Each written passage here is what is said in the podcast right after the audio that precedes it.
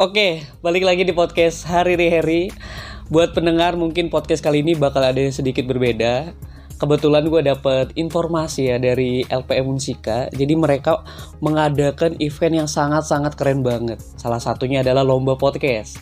Sebagai bentuk keawarean, kepedulian mereka terhadap situasi nasional yang pada saat ini masih pandemi.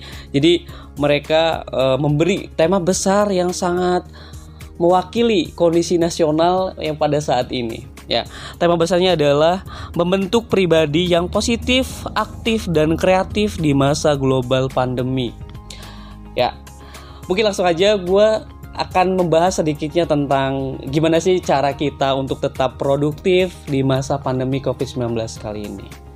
Nah, kalau udah ada gambaran kayak gitu pasti ada pertanyaan bahwa gimana kita mau produktif kan eh, banyak akses yang terbatas, kegiatan kita juga terbatas, berinteraksi orang lain banyak juga terbatas gitu kan.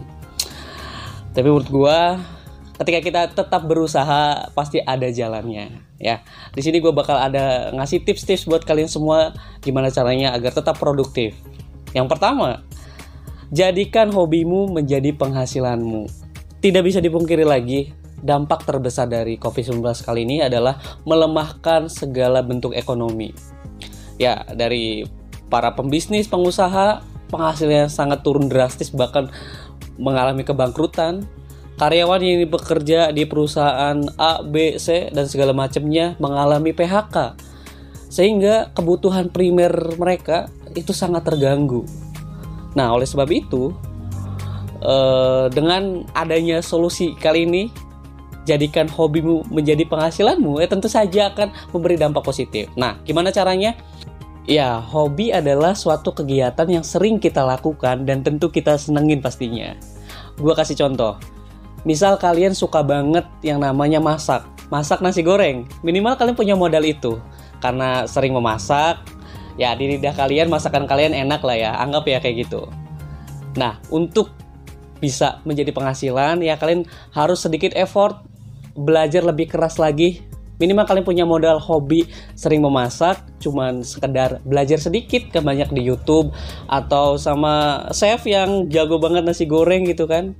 Dan sehabis itu kalian boleh tawarkan terhadap mungkin saudara kalian, saudara jauh kalian, saudara dekat kalian, tetangga untuk merasakan nasi goreng uh, buatan kalian.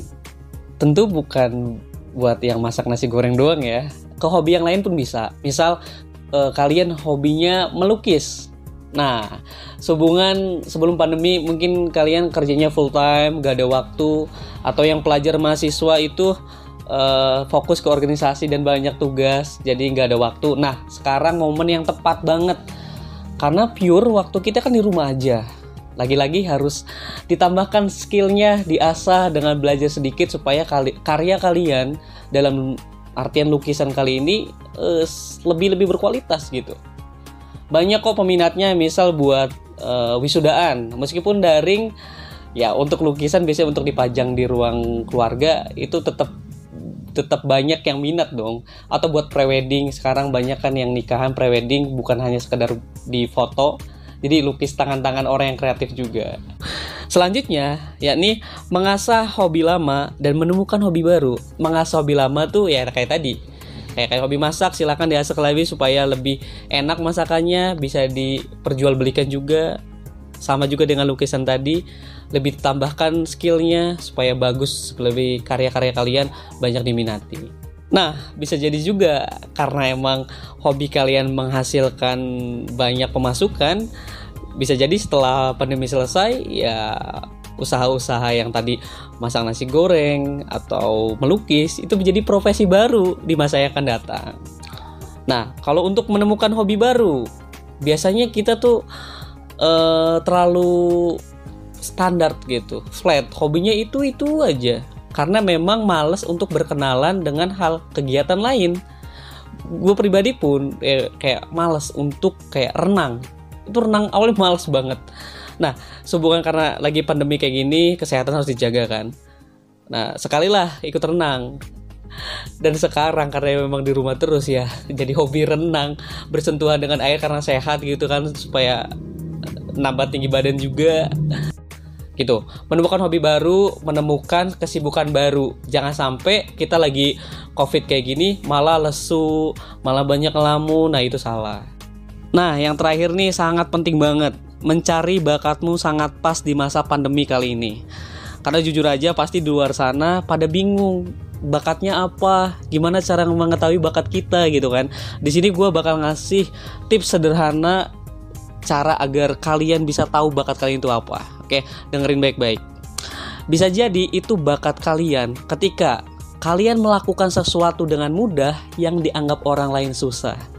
Gue ulang ya kalian melakukan sesuatu dengan mudah yang dianggap orang lain itu susah.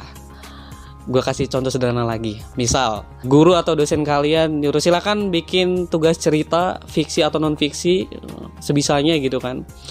Sehubungan ada orang yang jago banget nih bikin cerita gitu kan. Uh alurnya bagus ada cerita konfliknya karakternya yang sangat menjiwai. Bisa jadi bakat dia adalah sebagai penulis beda dengannya orang yang orang lain orang yang pada umumnya.